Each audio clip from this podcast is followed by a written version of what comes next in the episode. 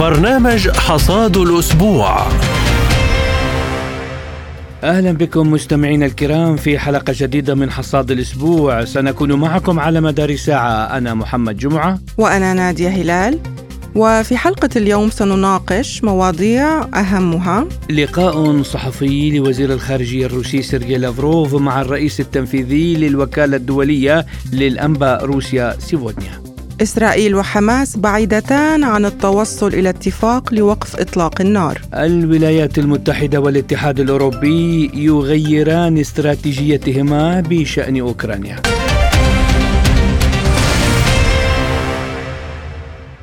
تحدث وزير الخارجية الروسي سيرجي لافروف في مقابلة صحفية مع الرئيس التنفيذي للوكالة الدولية للأنباء روسيا سيفودنيا دميتري كيسيلوف وتطرأ في حديثه القضايا الراهنة التي تخص السياسة الخارجية والمسائل الدولية. وللتعليق على ما قاله وزير الخارجية الروسي خلال اللقاء الصحفي ينضم إلينا الباحث والخبير في الشأن الروسي الدكتور محمود لافندي.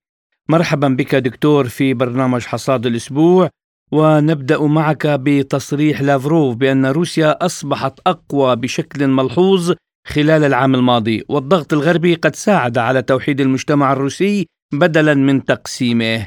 وأضاف لافروف الهدف الرئيسي لتوسيع الناتو والحرب الهجينة التي شنها الغرب ضدنا هي إضعاف وتقسيم لروسيا. برأيك دكتور هل تمسك موسكو بالثوابت إلى النهاية هو الذي أعاد الحق إلى أهله؟ ونجحت روسيا بالتصدي لكل مخططات الغرب؟ وما هو سر نجاح روسيا بهذا الصدد دكتور؟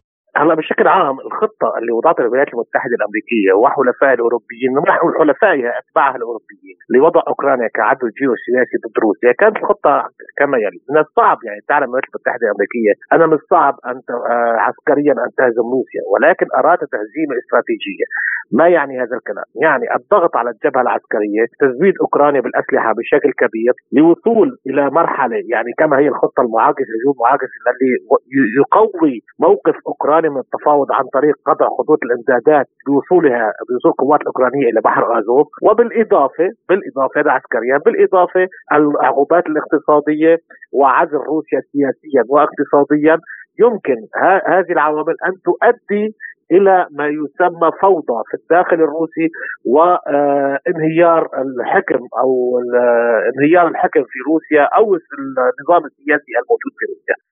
هذا ما كان ترغبه الولايات المتحدة الأمريكية، يعني هو عبارة عن ما يسمى آه، معادلة كاملة، خطة كاملة فكرت فيها الولايات المتحدة الأمريكية وبدأت في هذه الخطة من منذ آه، بداية منذ قرر الرئيس بوتين أن آه، يبدأ العملية العسكرية في أوكرانيا.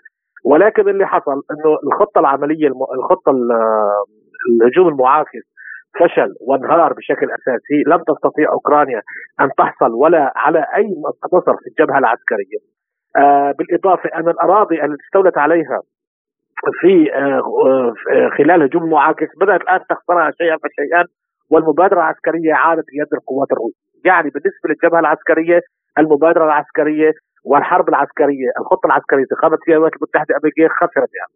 نعود إلى ما كانوا يريدونه بالخطة الاقتصادية.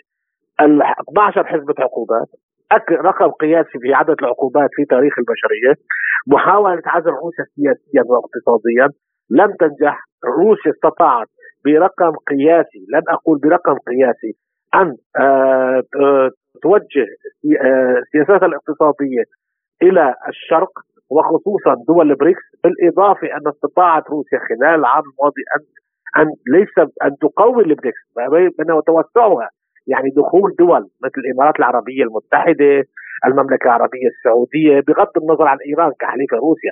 ولكن دول مثل المملكة العربية السعودية و آه الإمارات العربية المتحدة التي كانت سياستها نوعا ما غربية. هذا نصر كبير لروسيا وأدى إلى إلى آه ما يسمى تقوية روسيا اقتصاديا وسياسيا. لذلك عزل الرئيس بوتين سياسيا فشل.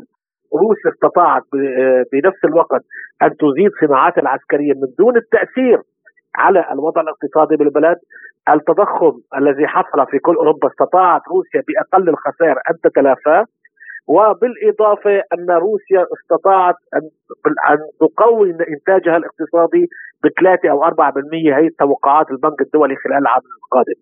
يعني كل هذه العوامل أدت أن الخطة التي وضعتها الولايات المتحدة الأمريكية لخضع روسيا وتقسيم روسيا أو تفكيك روسيا وهي ما يتكلم عنها الهزيمه الاستراتيجية وهذا ما تكلم عنه الوزير لافروف عدة مرات فشلت بشكل كامل. الآن ليس هناك أي وجود لخطة ب ليس هناك أي خطة ب موجودة لذلك نرى الآن الولايات المتحدة الأمريكية تبث عن طريق وسائل الاعلام بالإضافة إلى الغرب أن أوكرانيا انتصرت في الحرب وأوكرانيا استطاعت أن تصمد في وجه روسيا وكييف ما زالت قائمة. لذلك يجب على أوكرانيا أن آه، تبدأ بما يسمى ازدهار اقتصادي. يعني المعادلة أصبحت آه، تختلف الآن، الآن أوكرانيا كمادة سياسية أو عدو جيوسياسي في وجه روسيا أصبحت مادة سامة بالنسبة للولايات المتحدة الأمريكية، هذا يقول أن هناك الولايات المتحدة الأمريكية تفكر في خطة قادمة باستخدام دول أخرى، ولكن استخدام أوكرانيا أصبح أنا في رأيي انتهى كاستخدام لإسقاط روسيا أو لخضع روسيا. لذلك حلف الناتو لم ينجح بكل الوسائل مع أنه أعطى أوكرانيا كل ما يريد، الأسلحة أعطاها ما تريد، 600 نوع من الأسلحة الجديدة. بالإضافة إلى الدعم اللوجستي، الدعم الاستخباراتي، كل شيء قدمته تدريب تدريب الجنود الأوكرانيين، كل شيء حاول حلف الناتو ان تعطيه لاوكرانيا قد أعطاه، لذلك هي هزيمة استراتيجية لحلف الناتو وهذا ما يؤدي مستقبلا مستقبلا عدم نجاح أوكرانيا في اللجوء المعاكس. أنا في رأيي مستقبلا يمكن أن يؤدي إلى خلافات داخل حلف الناتو. يعني سنبدأ الآن أوكرانيا بالضغط على دول حلف الناتو. آه بالتزويد بالاسلحه وهناك دول لا تريد الآن أن تزود أوكرانيا وهذه الدول أصبحت أكثر من قبل لأنه الهجوم المعاكس فشل وليست هناك خطة ب لما يسمى ضد روسيا. لذلك عدم وجود الخطة ب ضد روسيا هذا سيزيد الخلافات في حلف الناتو وتتذكر الدول ما جدوى محاربة روسيا وما جدوى محاربة روسيا يجب إيجاد خطة للسلام والاستقرار في أوروبا وان يكون حلف الناتو منخرط في هذه الخطة. يعني هذه الخلافات اللي تعول عليها روسيا في المرحلة القادمة لذلك كان تصريح الوزير لافروف اليوم كان على الأساس مركز على حلف الناتو لأنه حلف الناتو هو من يحارب روسيا وليست أوكرانيا. وفيما يخص صيغة السلام التي اقترحها الرئيس الأوكراني فلاديمير زيلينسكي قال لافروف صيغة السلام التي طرحها زيلينسكي هي نسج من الخيال المريض والغرب ينوي فرض صيغة زيلينسكي لتحقيق السلام في أوكرانيا لكن بنودها لا يمكن تجسيدها. دكتور ألا تلاحظ أن زيلينسكي يهرب من الاستسلام إلى السلام؟ كيف تعلق على هذا؟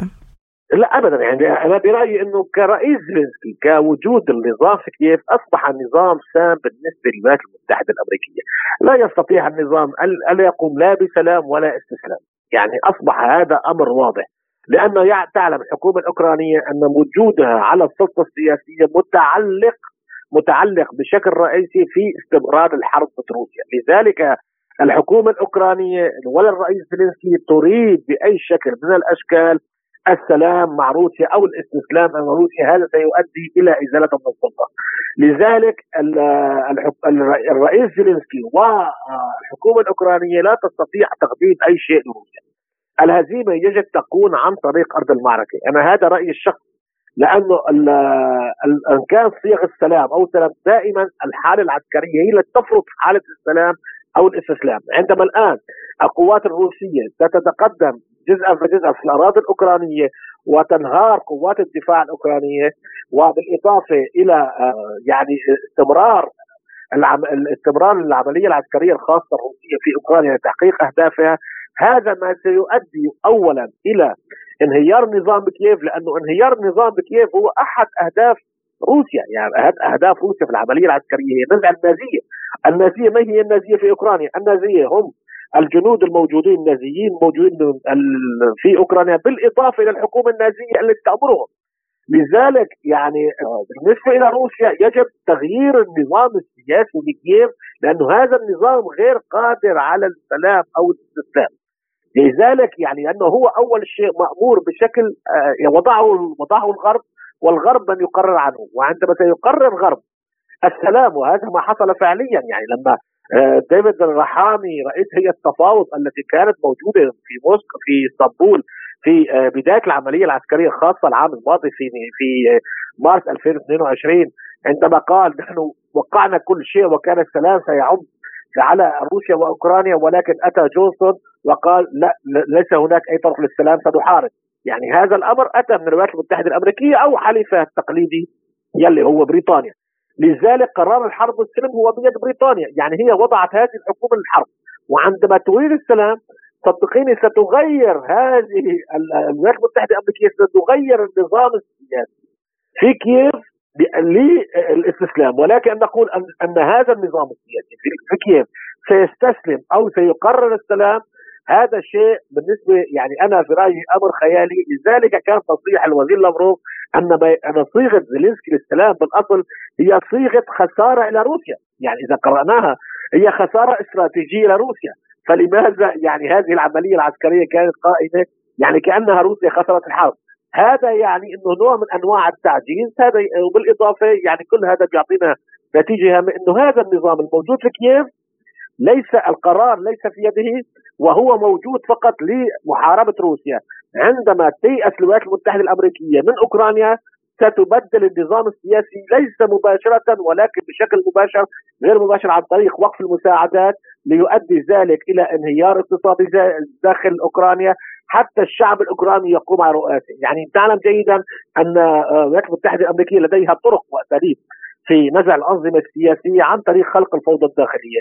فصدقيني كل الآن البيئة في كييف جاهزة لأي تغيير سياسي بسبب القرارات التعسفية التي تتجه الآن الحكومة الأوكرانية بتجديد 500 ألف مواطن ضد روسيا بالإضافة إلى آه، يعني قطع المساعدات عن أوكرانيا. سيؤدي إلى أزمة اقتصادية كبيرة وانهيار العملة في أوكرانيا.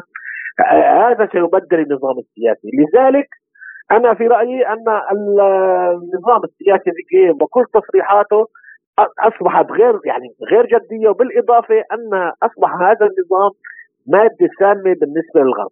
قال لافروف إن دور بريكس هو العمل على إنشاء أنظمة مدفوعات بديلة لسويفت والتخلي عن الدولار وقد سئم الجميع بالفعل من هذا الدولار الذي تحول لأداة نفوذ ووسيلة لتقويض المواقف التنافسية المشروعة للدول في مناطق مختلفة وأيضا وسيلة للتدخل في الشؤون الداخلية وتغيير الأنظمة. دكتور ما هي برأيك الخطوات التي ستتبعها روسيا والدول العربية لإيجاد البديل لسويفت والتخلص من هيمنة الدولار؟ يعني أول شيء خلينا نحكي عن مجموعة البريكس. هذه ليست تحالف اقتصادي هذا نادي اقتصادي. يعني لكل بلد موجودة في البريكس لديها مصالحها السياسية والاقتصادية وتعمل لمصالحها فقط ولا لمصالح دولة أخرى. باختلاف قمة السبعة أو قمة العشرين الاقتصادية. أي نادي وهذا ما يعطي تمييزات. لذلك نادي البريكس قادر عن تأسيس تحالفات داخل مجموعة البريكس بالتعامل في العملة المحلية والابتعاد عن النظام السياسي يعني على سبيل المثال ضمن مجموعة البريكس روسيا والصين تتعامل في اليوان والروبل الروسي وأصبح هذا التعامل 90% 90% من التبادلات التجاريه يعني نعلم جيدا التبادلات التجاريه التجاريه بين روسيا والصين حوالي 200 مليار. يعني 90% الآن في العملة المحلية. نفس الشيء 70% بالتعامل مع الهند هو حوالي 120 ل 130 مليار دولار. بالإضافة إلى خطة روسيا المستقبلية لما يسمى إنتاج اتفاقية بين الاتحاد اليورو اسيوي وهو دول الاتحاد الجمركي الموجودة بين روسيا وكازاخستان. وكرغيزيا وأرمينيا مع ما يسمى دول البريكس يعني آه، إدخال إيران إدخال جمهورية مصر العربية وبالإضافة للمملكة العربية المملكة العربية السعودية والإمارات فيما يسمى آه، اتفاقية التجارة الحرة برفع الرسوم الجمركية. هذا سيرفع من ما يسمى التعاون بين البلدان ضمن العملة المحلية أيضا. كل هذا أو استخدام العملة الموجودة على سبيل المثال روسيا تبيع الآن النفط إلى الهند الهند تدفع بالدرهم الإماراتي. يعني هذا ضمن هذا الشيء تدريجيا شيئا فشيئا آه، عشر دول. يعني إحنا ما نقول 11 دوله لأنه الأرجنتين حتى الآن لم تقرر دخول بريكس نتكلم عن de facto إنه 10 دول في مجموعة بريكس الآن منذ بداية هذا العام. سيتعاون بين بين بعضهم بما يسمى العمله المحلية أو عدم استخدام النظام السياسي العالمي بالتعامل. هذا سيؤدي تدريجيا تدريجيا إلى وصول اتفاقيات بين هذه البلاد لمصلحتها وبالإضافة لا تفرض يعني روسيا لا تفرض على الصين لأنه نعلم جيدا أن الصين تتعامل مع كل دول العالم بالدولار ولا تعلم جيدا أن روسيا آه، الصين لديها مصالح مع أوروبا مع الولايات المتحدة الأمريكية ودول كثيرة.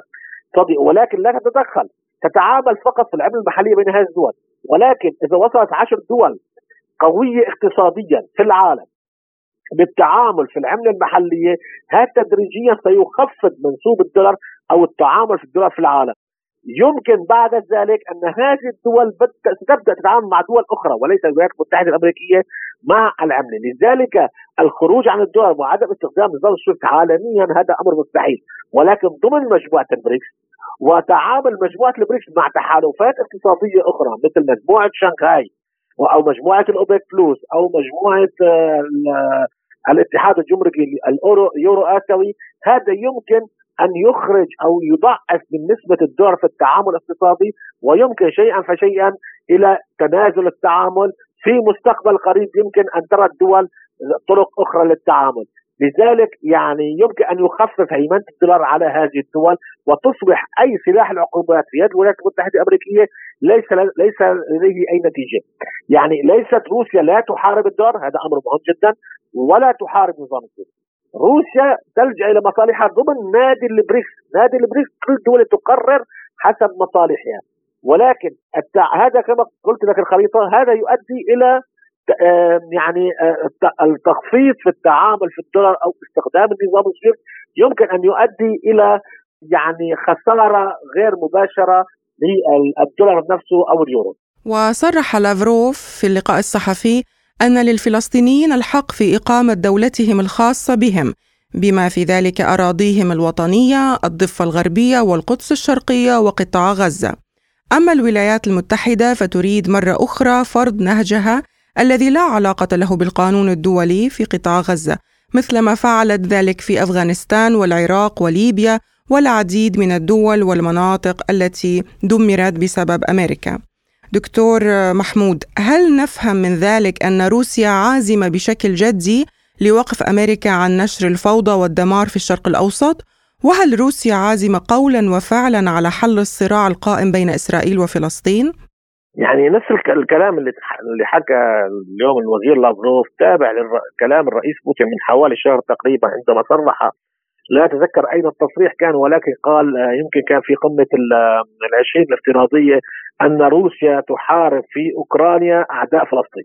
ما المقصود؟ روسيا تحارب في أوكرانيا التحالف الغربي، الولايات المتحدة الأمريكية وحلفائها هم نفسهم أعداء فلسطين الذي حرموا الشعب الفلسطيني من حقوقه منذ عام 1967 حتى الآن، يعني منذ عام 1967 بعد نكسة حزيران عام آه، الحرب 67 الولايات المتحدة الأمريكية أصبحت آه، لإسرائيل ضم يعني الولايات المتحدة الأمريكية ضمت إسرائيل وأصبحت الولاية 51 من هذا الوقت بدأ الدعم غير المحدود للولايات المتحدة الأمريكية لإسرائيل حتى الآن وليس لمصلحة الولايات المتحدة الأمريكية أن يكون إنتاج دولتين لأنه هذه قوة هذه الدولة على أساسها تستطيع عن طريقها الولايات المتحدة الأمريكية أن تفرض سيطرتها على الشرق الأوسط، فالنزاع على أراضي فلسطينية بالنسبة للولايات المتحدة الأمريكية هو سيطرتها على الشرق الأوسط على عدم سيطرتها. لذلك كانت دائما تحارب أي طريقة سلمية ضد آه، أو وجود الدولتين يعني واخراج كل الدول. يعني على سبيل المثال يعني بعد انهيار الاتحاد السوفيتي تغير الوضع الجيوسياسي في العالم آه، جذريا كانت اتفاقية أوسلو ولكن ما منع الحكومة الإسرائيلية ست سنوات من 93 ل 99 يجب أن تنجي دولتين لم تنجي أي شيء بالعكس كانت سياسة الاستيطان الإسرائيلي مستمرة ومستمرة التي قتلت بشكل نهائي قرارات الأممية بإنتاج الدولة الفلسطينية أو وجود دولة فلسطينية من الضفة الغربية من نهر الأردن إلى البحر المتوسط إلى غزة والقدس عاصمة آه، والقدس الشرقية عاصمة لدولة فلسطين. هذا الشيء أصبح تطبيقه أمر مستحيل، لذلك الحرب ليست مع إسرائيل، الحرب مع الغرب عندما تنهار الولايات المتحدة الأمريكية أو تنهار سياسيا تستطيع فلسطين أن تحصل على حقوقها ستخرج من معادلة الشرق الأوسط. وهذا ما يحصل أمامنا الآن. يعني لما تقوم الولايات المتحدة الأمريكية بالإعلان عن تحالف ما يسمى ما يسمى مساعدة الازدهار أو ما يسمى تحالف في البحر الأحمر ضد الحوثيين. رأينا هذا التحالف لم يعني فكرة آه، الفكرة آه، ماتت قبل أن تولد. ولا دولة غير بريطانيا آه، قبلت أن تدخل في هذا الحلم. ولكن فعليا كل الدول لم تدخل. هذا يعني أن الولايات المتحدة الأمريكية بدأت تضعف. يعني لما ترفض المملكة العربية السعودية مشاركة وتمويل الحرب ضد الحوثيين مع انه نعلم جيدا المملكة العربية السعودية كانت تحارب الحوثيين لفترة طويلة من الزمن. بالحرب وبالإضافة إلى الإمارات يعني هذه الدول عدم دخولها في التحالف هذا يعني أن الولايات المتحدة الأمريكية بدأت تنخفض سياستها في المنطقة. يعني نحن أمام أمل عندما تنخفض سياسة الولايات المتحدة الأمريكية ستضطر الحكومة الإسرائيلية إلى توقيع السلام أو ما يسمى إعطاء الدولة الفلسطينية حقوقها. لأنه وجود الولايات المتحدة الأمريكية وجود هذه السياسة الموجودة حاليا من المستحيل وجود دولة فلسطينية لذلك الولايات المتحدة الأمريكية أعطت الضوء الأخضر لإسرائيل وأتى الرؤساء كلهم لإسرائيل لتشجيع إسرائيل على جرائمها البشعة التي ترتكب في غزة. هذه ليست هذه ليست حرب. هذا اسمه عقاب جماعي. هي ليست حرب. ولا ولا نستطيع أن نقول عن اسمها حرب. هي آه ما يسمى آه إبادة جماعية ضد شعب بكامله ومنطقه غزة أصبحت غير قابلة للعيش وأصبحت منطقة كارثة إنسانية. هذه ليست حرب. لذلك آه هذا القرار لم يخرج من إسرائيل لولا ما كانت القرار من الولايات المتحده الأمريكية، يعني نحن أمام معادلة أخرى. روسيا إذا استطاعت تحقيق أهدافها في أوكرانيا ستنخفض سياسة الولايات المتحدة الأمريكية ستنزل هيمنتها بالاضافه ستنزل هيمنتها أيضا على الشرق الأوسط لوجود دول في الشرق الأوسط لأن المعادلة الأمريكية الموجودة في الشرق الأوسط هي التطبيع القادم. كل الدول العربية تطبع مع دولة إسرائيل.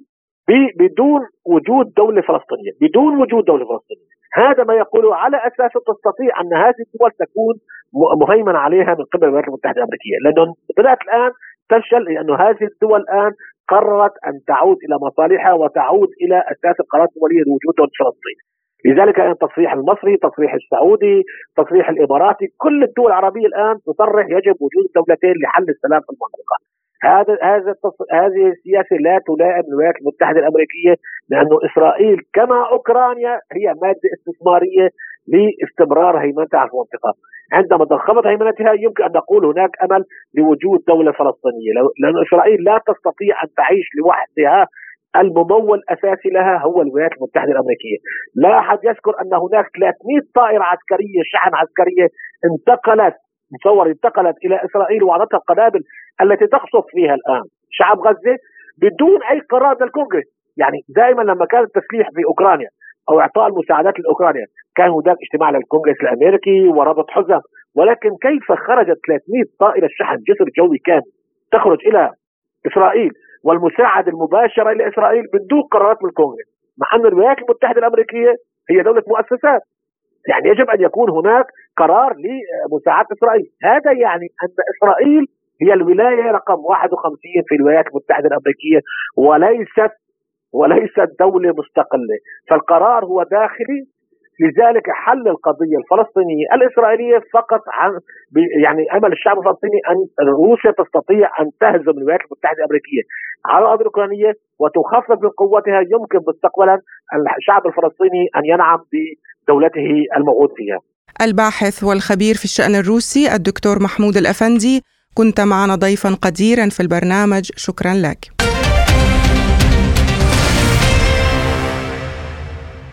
وإلى ملف الصراع الفلسطيني الإسرائيلي حيث ذكرت الصحيفة الأمريكية أن حماس وإسرائيل بعيدتان كل البعد عن التوصل إلى هدنة دائمة في قطاع غزة إذ تطرحان شروطا مستحيلة التنفيذ. للحديث عن آخر تطورات الصراع الفلسطيني الإسرائيلي ينضم إلينا الكاتب والمحلل السياسي ورئيس مؤسسة فيميد للإعلام الدكتور إبراهيم المدهون. أهلا بك دكتور في برنامج حصاد الأسبوع. هل يرتبط ذلك الموقف المبدئي لواشنطن الذي يحرض تل أبيب بكل الطرق الممكنة على اتخاذ إجراءات جذرية أم أن الطرفين يعني إسرائيل وحماس فعلا يطرحان شروطا مستحيلة التحقيق من حيث المبدأ؟ لا الاحتلال الإسرائيلي يعني ارتكب خطيئه كبيرة بعمليته العدوانيه وإجتياح قطاع غزه وهو الآن أضحى في منتصف الطريق ويخشى من أي عملية هزيمة ويعتبر أن هذه الحرب حرب وجودية لهذا مهما تكبد من خسائر ومهما تم ممارسة عليه ضغوط دولية وغير قادر على التراجع لأنه أي تراجع له يعتقد الاحتلال الإسرائيلي أن هناك تهديد وجودي من قبل حركه حماس. الأمر الآخر أن نتنياهو اليوم وجنرالات الحرب ومجلس الحرب الإسرائيلي باتوا مرتبطين مصيريا بهذه العملية. وهناك خشيه من توقف العملية العدوانية آه، على مستقبلهم السياسي بل وعلى مستقبلهم الحياتي والمهني. ولهذا هناك الآن تهديدات حقيقية لنتنياهو أنه يمكن اقالته ويمكن محاكمته. وأيضا هناك المؤسسات الصلبة الأمر الثالث مثل الجيش والموساد والشين متهمين بالتقصير ومتهمين أيضا بعدم تحقيق أي إنجازات. وهذا ما يجعل هذه المؤسسات تدعم استمرار عملية الحرب. حركة حماس هي لا تضع شروطا هي فقط تريد وقف هذه الحرب وتريد إغاثة الناس. ومن ثم تتحدث عن أي ملفات أخرى لكن هي ترفض الحديث عن أي ملفات مثل ملف الأسرى وغيره تحت النيران. وأثناء وأثناء العدوان خصوصا أن هذه ليست حربا عادية هي حرب إبادة، اليوم الشعب الفلسطيني يتعرض إلى عملية إبادة ويتم استهداف جميع مراكز المراكز الحيوية يعني تم استهداف مقومات الحياة من المستشفيات والمدارس والجامعات والأسواق والغذاء وتم فرض حصار عليهم يوم هناك حالة جوع حالة مرض حالة قتل. هذا كله لا شك أنه يؤدي يؤدي لأن ترفض حركة حماس أي عملية تفاوض أو أي عملية حلول مؤقتة لا تنهي هذه الإبادة، لا تنهي هذه الحرب وهذه الوحشية وأيضا لا تغيث الناس الذين يحتاجون بالفعل الآن إلى عمليات. هذه هو تعقيدات وهل يمكن أن تؤدي إطالة أمد الصراع بين الطرفين إلى انتشار الصراع في جميع أنحاء المنطقة؟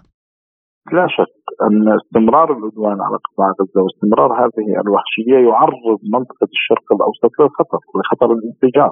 اليوم منطقة الشرق الأوسط على سبيل الساخن خصوصا ان الاحتلال الإسرائيلي لا يعني يوسع من عدوانه يعني لا يقتصر عدوانه على فقط على قطاع غزة بل يوسع من هذا العدوان اليوم الاحتلال الإسرائيلي يقتل آه، في في الضفة الغربية. هناك أكثر من 300 شهيد في الضفة الغربية خلال هذا خلال العدوان على قطاع غزة خلال هذه الأشهر البسيطة، هناك أيضا شهداء في لبنان وعدوان على لبنان، هناك عدوان على سوريا، هناك استهداف للمصالح الإيرانية، المصالح السورية، هناك اشكاليه، هذا القلق حقيقة الذي يجعل الاحتلال الإسرائيلي أو يسببه الاحتلال الإسرائيلي يفجر هذه المنطقة وقد يفجرها في أي وقت.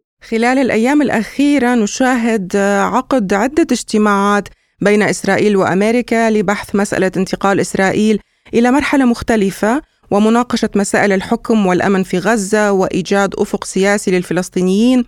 كما يتم أيضا يعني دراسة مقترحات آه، مصرية لوقف إطلاق النار في غزة والذي يتمثل في خطة على ثلاثة مراحل يتم خلالها تبادل الأسرى والمحتجزين. والسؤال هنا دكتور إلى متى ستبقى كل هذه المقترحات مجرد كلام نظري؟ متى سيتم تطبيق الحل الأمثل لوقف الصراع وقتل الأبرياء في فلسطين؟ هذا يحتاج إلى تدخل خارجي قوي خصوصا من الولايات المتحدة ومن القوى الأساسية مثل روسيا والصين. حتى اللحظة هناك مواقف سلبية دوليه يعني حتى الأمم المتحدة غير قادرة على الضغط على الاحتلال الاسرائيلي، الاحتلال الإسرائيلي يستفرد. وللأسف يستفرد بقطاع غزة ويرتكب المجازر الوحشية ويرتكب حرب إبادة وينتهك كل القوانين الدولية. ومع ذلك لا توجد يد ضاربة على أو يد مانعه للاحتلال الإسرائيلي، لكن أنا بعتقد اذا ظل الاحتلال الإسرائيلي بأن بالجرائم وبالوحشية يمكن أن يحصل انتصار أو واقع جديد فهو واحد، اليوم نحن نقترب من ثلاثة أشهر من العدوان ومن القتل ومن التدمير، عشرات آلاف الشهداء، مئات آلاف الجرحى، مليون ونصف المليون مشرد، قنابل يعني توازي القنابل النووية نزلت على قطاع غزة ومع ذلك لا هناك حالة صمود وصبر وثبات وهناك حالة أيضا إرادة ومقاومة شديدة لأنه ما زالت كتائب القسام مثلا تقف على ارض غزه وتواجه اذا متى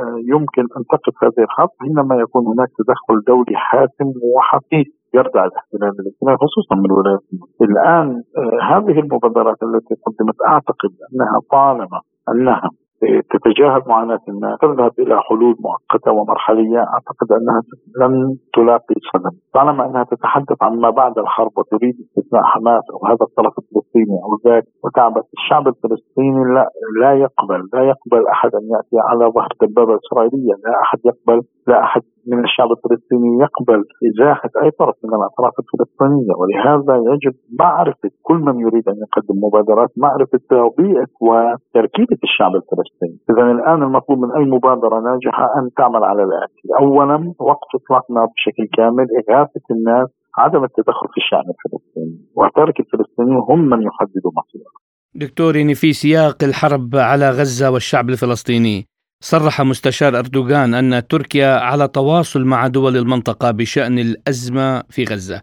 ما مدى فعالية دور أنقرة في حل الصراع في الشرق الأوسط؟ أنقرة يمكن أن تلعب دورا مهما في المرحلة المقبلة لكن حتى اللحظة دورها محدود لكن ما بعد وقف الحرب أعتقد أنها سيكون لأنقرة دور مهم في آه، إغاثة الناس وفي آه، العمل على ترتيب بعض حتى اللحظة أعتقد أن دورها لا آه، ليس فيه لم يأخذ المساحة أدت الحرب بين إسرائيل وحماس إلى تعليق الجهود التي كانت تحاول التوصل إلى اتفاق لتطبيع العلاقات بين إسرائيل والسعودية. ومؤخرا أظهرت نتائج استطلاع الرأي في المجتمع السعودي أن الآراء الإيجابية بشأن حماس قد شهدت قفزة مؤخرا. وأغلبية السعوديين يرون أن الحرب في غزة هي انتصار للفلسطينيين والعرب المسلمين وأن إسرائيل هي دولة ضعيفة ومنقسمة. فما هو الدور الذي ستلعبه السعودية في حل النزاع ومساعدة فلسطين؟ وهل ستجدد خطط التطبيع مع إسرائيل؟ الشعب السعودي من أكثر الشعوب دعما للمقاومه الفلسطينية ولحركة حماس وللشعب الفلسطيني.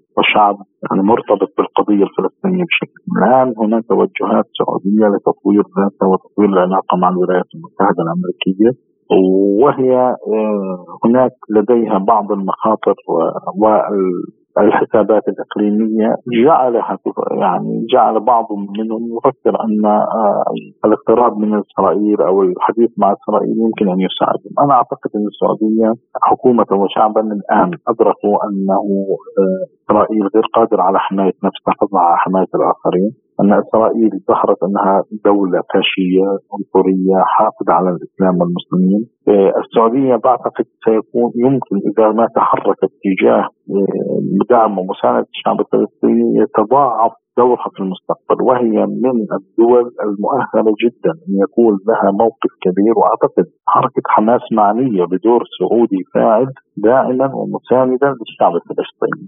أما موضوع التطبيع أعتقد أن أيضا السعودية مترددة كثيرا ولها حسابات معقدة في هذا الموضوع وحتى اللحظة تدرك أن إسرائيل لا تستحق أي خطوة يمكن أي خطوة اقتراب. بسبب استمرار القصف يضطر سكان غزة حقيقة لترك بيوتهم، هل يمكن أن تؤدي هذه الهجرة الجماعية إلى المزيد من الاكتظاظ السكاني؟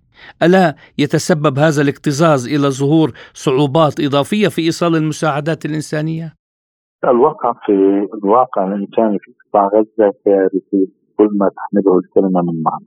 الواقع كارثي جدا جدا جدا لو أنا بدي أحكيك عن ما إحنا عشان نتواصل بشكل مباشر يعني هناك جوع حقيقي هناك عطش حقيقي مياه ملوثة لانعدام لأي آه لأي خدمات صحية. هناك من يجرح يموت آه من يمرض يموت. هناك انتشار لبعض الأمراض المعدية. هناك تكدس في العراء آه هناك برد شديد. هذا كله حقيقة بعيد عن كل التدخلات الدولية.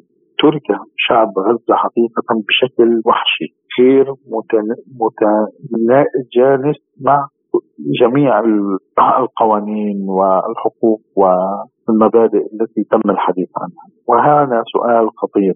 لماذا تم ترك غزة بهذه الطريقة هذا مهم جدا.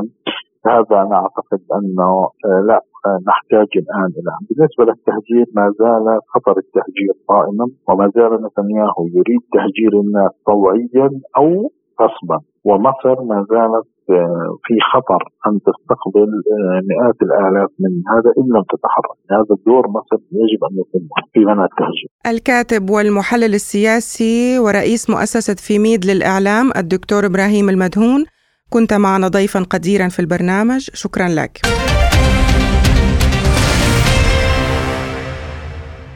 وإلى ملفنا التالي عن الحرب في أوكرانيا حيث أفادت وكالة إعلام أمريكية بتغيير الولايات المتحدة والدول الأوروبية ضمنيا مهمة سياستها اتجاه أوكرانيا من النصر الكامل على روسيا إلى تعزيز موقف كييف من محادثات السلام المحتملة التي من المرجح أن تعني تنازلات إقليمية لموسكو. وأوضحت الصحيفة أن في العواصم الغربية بعد الفشل الذريع للهجوم المضاد لكييف يتحدثون عن بناء خطوط دفاعية مشبعة بأنظمة الدفاع الجوي واستعادة المجمع الصناعي العسكري الأوكراني بحيث يكون أقل اعتمادا على المساعدات الخارجية. وللحديث أكثر عن هذا الموضوع نستضيف معنا الباحث في العلاقات الدولية الدكتور محمد الديهي. أهلا بك دكتور محمد في حصاد الأسبوع. وأبدأ معك من تحويل السلطات الأمريكية والأوروبية اهتمامها تدريجيا من دعم هدف أوكرانيا المتمثل في هزيمة روسيا إلى تحسين موقفها في المفاوضات المحتملة لإنهاء الصراع. يعني هل سنستطيع أو نستطيع أن نقول أن الغرب قد اعترف بالفعل بهزيمة كييف؟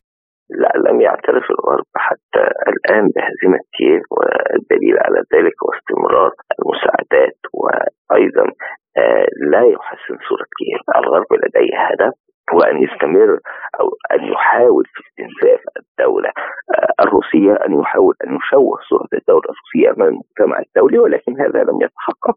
بالعكس آه، من خطر ومن فقد كل هذا آه، الغرب ومن فقد أيضا شعبية ومن وجد رفض شعوب من دول العالم.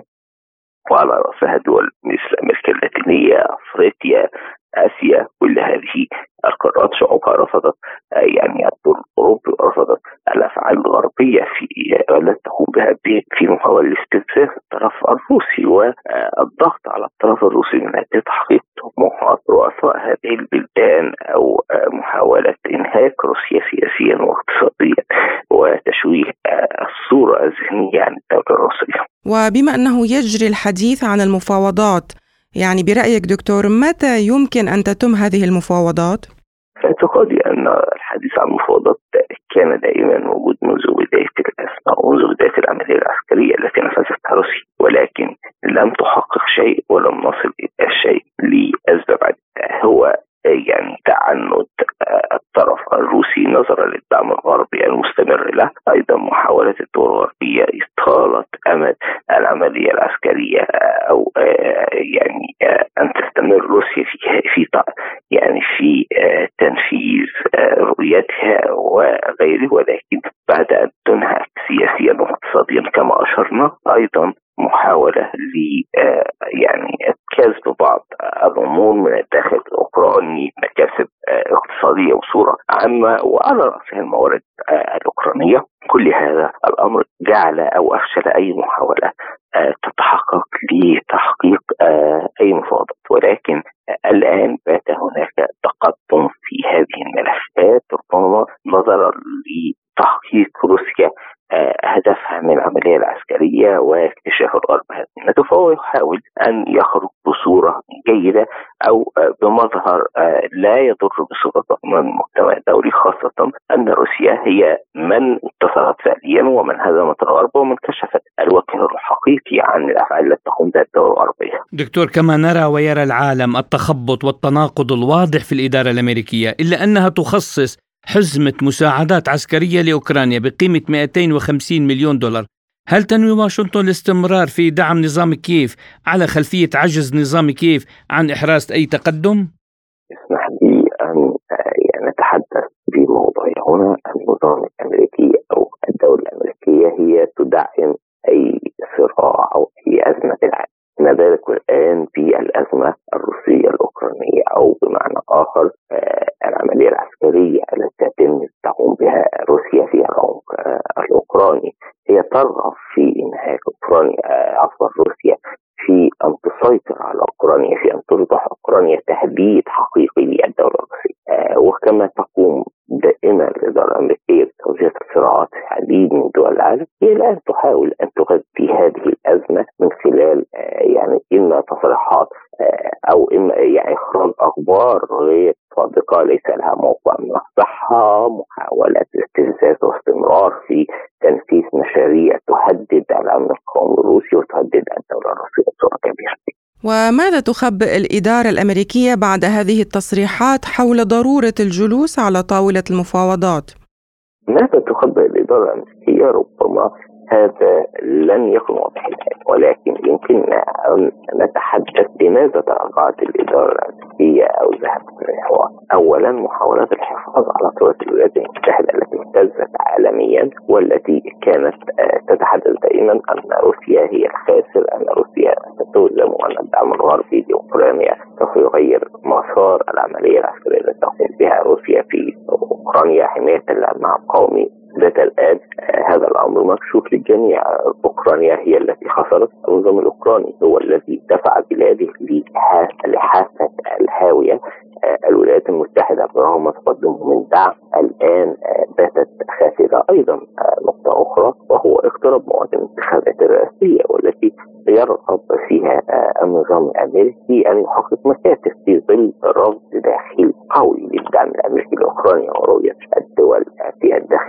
الأمريكي بأن هذا الدعم ليس للولايات المتحدة أو يجب ألا تقوم به الولايات المتحدة. النقطة الأخرى هو اشتعال أو بمعنى آخر يعني الحرب في غزة والهجوم الإسرائيلي الوحشي على قطاع غزة وتدمير العديد منهم انتقلت الآن الرؤية الأمريكية بضرورة دعم إسرائيل أو دولة الإحتلال الإسرائيلي في تنفيذ قطع في كيان في قطاع غزة وتهديد الأمن يعني وتهديد المدنيين في غزة. وشاهدنا يعني خط الإمدادات المتواصل من الولايات المتحدة بصورة يعني غير مبررة لدولة الاحتلال الإسرائيلي.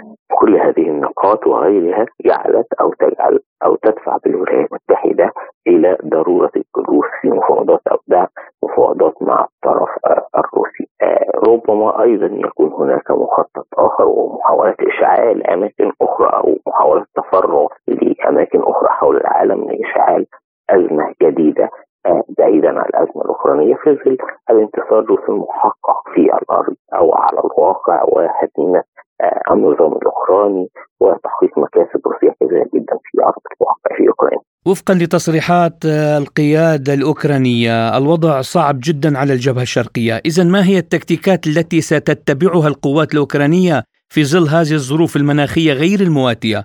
بالطبع الخسائر الفادحة أيضا في كل الاتجاهات.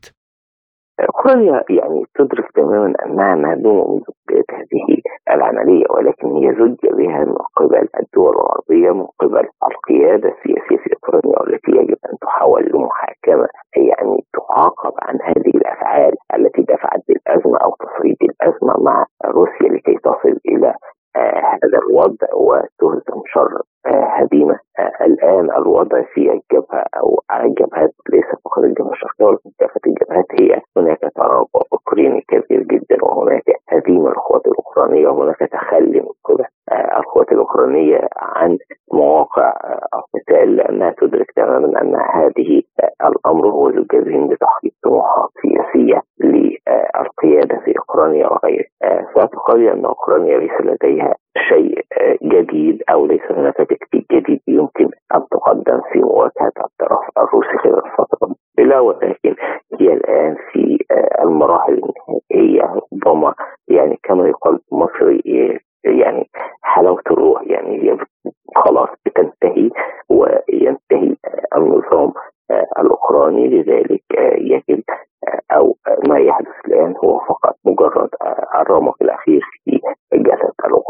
المسؤولون الأمريكيون يرون بشكل واضح تقدم القوات الروسية وخصوصا بعد تحرير مارينكا لكنهم لا يجرؤون على الاعتراف بهذه الانتصارات.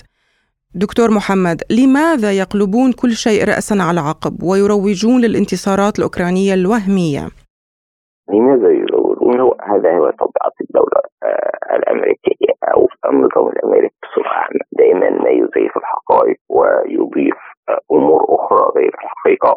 بهدف يظهر أنه القوة الوحيدة في على مستوى العالم. بهدف أن تظل أو يظل النظام الدولي نظام أحد القطبية ليس كما تسعى روسيا إلى أن يكون نظام متعدد الأقطاب أو غيرها من دول العالم. أيضا أن تظل الولايات المتحدة هي ال super power على الصعيد الدولي. الآن لم تعطي ال super power أو القوه الوحيده في العالم باتت هناك قوه دوليه أخرى تنافس الولايات المتحده. النقطه الاخرى هي محاوله تشويه صوره النظام الروسي والدولة الروسيه يعني لو كانت هناك دراسات رصينه وحقيقيه ستكشف حجم محاوله تشويه صوره النظام وبث صور أو اوضاع بائسه حول النظام الروسي وحول الدولة الروسيه بهدف ان يعني تحقق كما اشرنا فكرة أن تظل هي القوة الوحيدة كان معنا الباحث في العلاقات الدولية الدكتور محمد الديهي شكرا لكم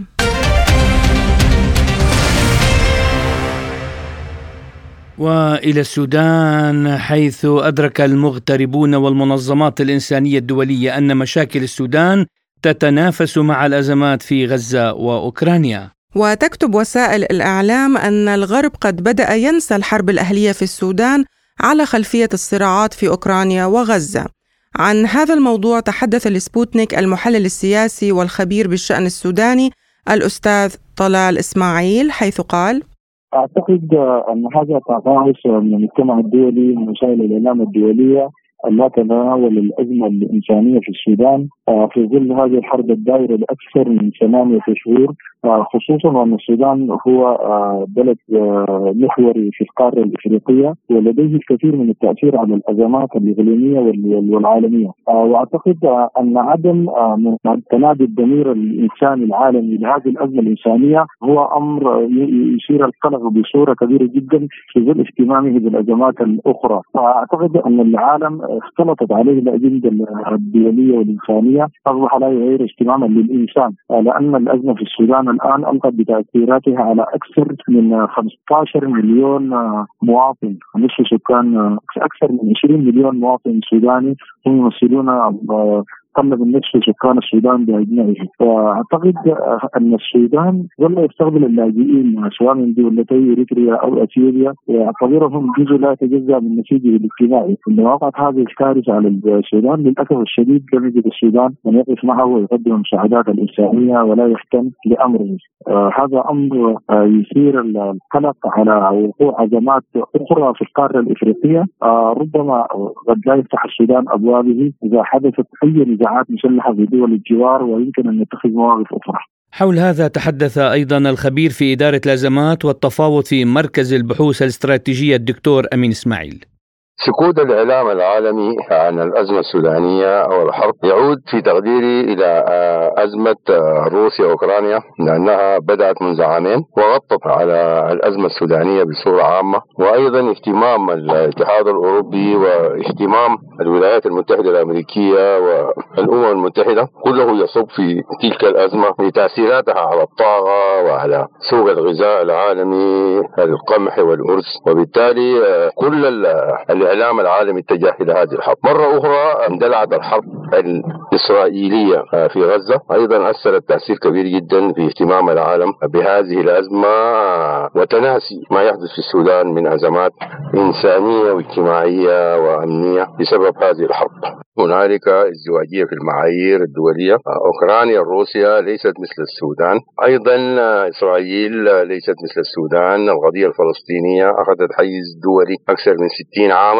أيضا مما جعل الاهتمام ضعيف بالأزمة السودانية هو أنها صراع داخلي بين الجيش السوداني وقوى عسكرية كانت تتبع له وبالتالي هذا هو السبب الذي جعل الاهتمام أضعف في تقديري. لكن المنظمات الدولية لديها ازدواجية في المعايير وتحكم بمصالحها وتحكم ب علاقاتها الإقليمية والدولية. وإذا كان من الأفضل أن يحل السودان مشاكله من دون الاعتماد على الولايات المتحدة الأمريكية التي فشلت إدارتها على محك الأزمة في السودان قال إسماعيل. الولايات المتحدة الأمريكية حقيقة فقدت كثير من المصداقية في دول أفريقيا والدول العربية كما حدث في أفغانستان وفي العراق ولذلك تدخلها أو عدم تدخلها في الأزمة السودانية لن يغير شيئا باعتبار أن أصلا الولايات المتحدة الأمريكية سجلها آه، في الصومال وسجلها في مناطق أخرى لم يكن مشرفا بأي حال من الأحوال وهذا ما جعل الشعب السوداني لا يلغي آه، بالا للوساطة التي تقود الولايات المتحدة الأمريكية وإنما اتجهت كل الأنظار إلى الإيجاد والاتحاد الأفريقي. فشل إدارة بايدن في إدارة الأزمات في العالم هو واضح وأثر تأثير كبير على الأزمة في السودان مثل ما أثر على الأزمة الفلسطينية ومثل ما أثر على أزمة الطاقة ومثل ما أثر على الأزمة الروسية الأوكرانية بدعمهم لأوكرانيا والتوريط في هذه الحرب. لذلك هو يعتبر فشل لبايدن وإدارته وربما يؤثر ذلك على نتيجة الانتخابات. القادمة. هنالك تعويل كبير جدا على الحوار السوداني السوداني وإدارة الأزمة آه، من خلال المجتمعات السودانية. وأيضا نعول على روسيا والصين ودورهم الكبير العالمي والإقليمي في مساعدة السودان للخروج من هذه الأزمة. وأيضا اهتمام آه، روسيا والصين آه، ببسط نفوذهم في ساحل البحر الأحمر وتقدير الموقع الجيوستراتيجي للسودان وأهمية أن يكون لهم تواجد في المرحلة القادمة. لكن لا بد أن تحدث تنازلات من الأطراف السودانية.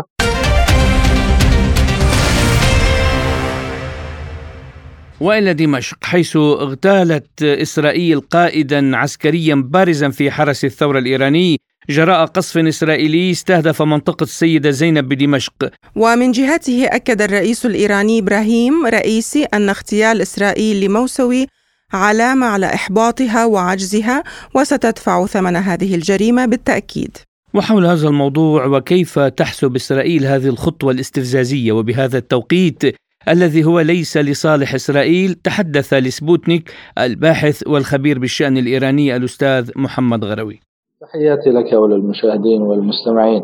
أعتقد بأن هذه العملية الاغتيالية هي من ضمن العمليات ومن ضمن الحرب الأمنية والاستخبارية آه، التي يقوم بها الكيان الإسرائيلي وهي حرب متبادلة فيما بين إيران وإسرائيل طوال السنوات الماضية وهي ليست الأولى ولن تكون الأخيرة ويمكن النظر إليها بقراءتين اثنتين. الأولى من ضمن الحرب الدائرة آه، منذ الثورة الإسلامية في إيران بحيث آه، يقوم الإيراني بأعمال أمنية تضر الكيان وبالتالي أيضا يكون هناك ردود إسرائيلية وهكذا طوال السنوات الماضية. والشهيد الرضي الموسوي ليست المرة الأولى التي يتم استهدافه وهو نجا من عدة عمليات اغتيال في السنوات الماضية. آه، سواء بأذرع أمريكا وإسرائيل في هذه المنطقة أعني هنا داعش وأدواتها أو من خلال الإسرائيلي نفسه بحيث أنه حاول اغتيال الشهيد عدة مرات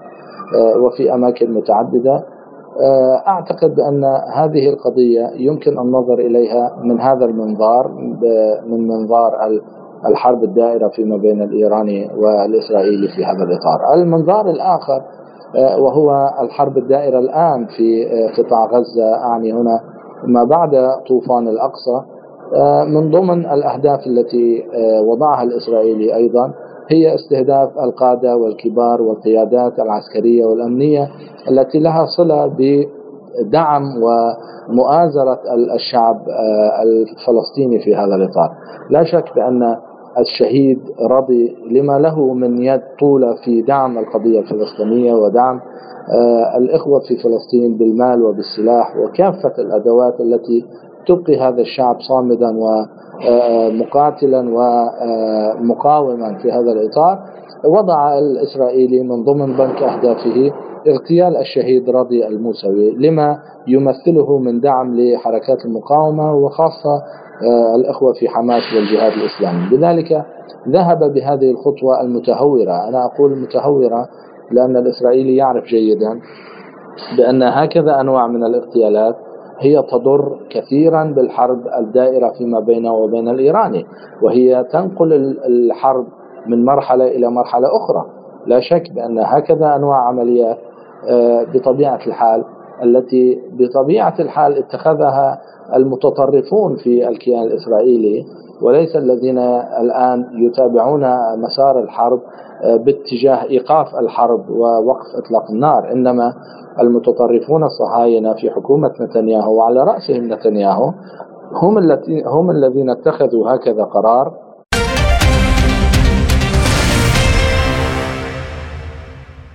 وفي ملفنا الاقتصادي وقعت دول الاتحاد الاقتصادي الأوراسي اتفاقية تجارة حرة واسعة النطاق مع إيران.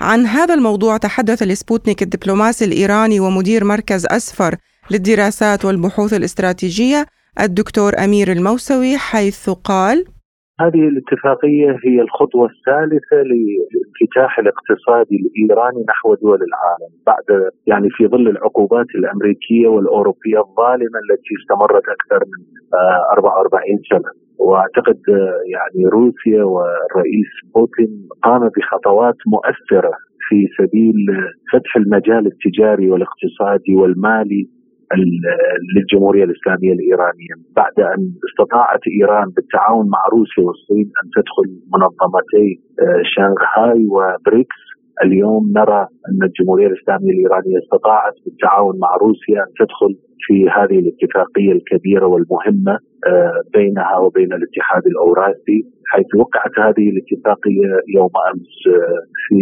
آه، في روسيا وبحضور وزير الصناعة الإيراني. وطبعا هذه ستكون لها آثار مهمة وإيجابية لاقتصاد الجمهورية الإسلامية الإيرانية وكذلك للدول الاوراسيه التي ستكون إيران المنفذ المهم منطقة الخليج الفارسي والبحر وبحر عمان وكذلك المحيط الهندي. بالإضافة إلى السوق الإيرانية الكبيرة. وطبعا هذه الاتفاقية ستكون لها مميزات كبيرة باعتقادي خاصة في الجانب الإيراني التي تعيش إيران في ظل عقوبات شاملة من قبل الولايات المتحدة الأمريكية وبعض الدول الأوروبية.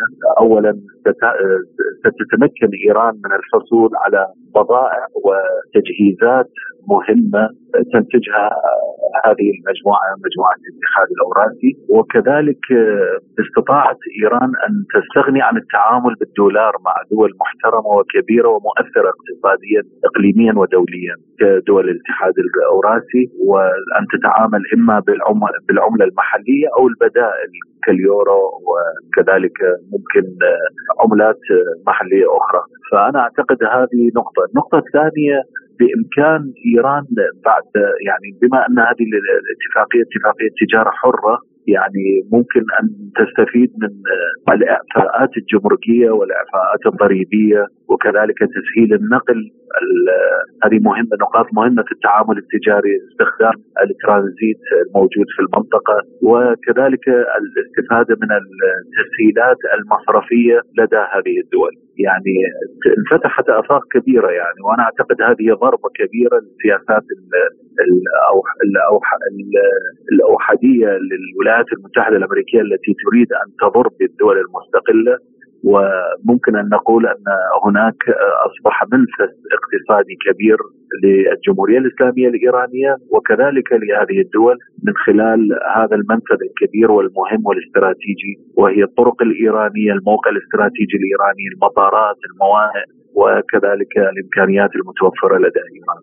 آه، أنا أعتقد هذه آه، ممكن أن تكون خطوة أخرى للحيلولة دون سيطرة الولايات المتحدة الأمريكية والاتحاد الأوروبي على القرارات الاقتصادية الدولية. وإيجاد قطب جديد وقطب قوي آخر مقابل آه، ذلك القطب الذي يريد أن يستفرد بالقرارات الاقتصادية في العالم. وفي نفس السياق قال الرئيس الروسي فلاديمير بوتين إن اتفاقية التجارة الحرة بين الاتحاد الأوراسي ومصر في مرحلة متقدمة للغاية مشيرا إلى أن روسيا الاتحادية مهتمة بالتوقيع على الوثيقة في أقرب وقت ممكن.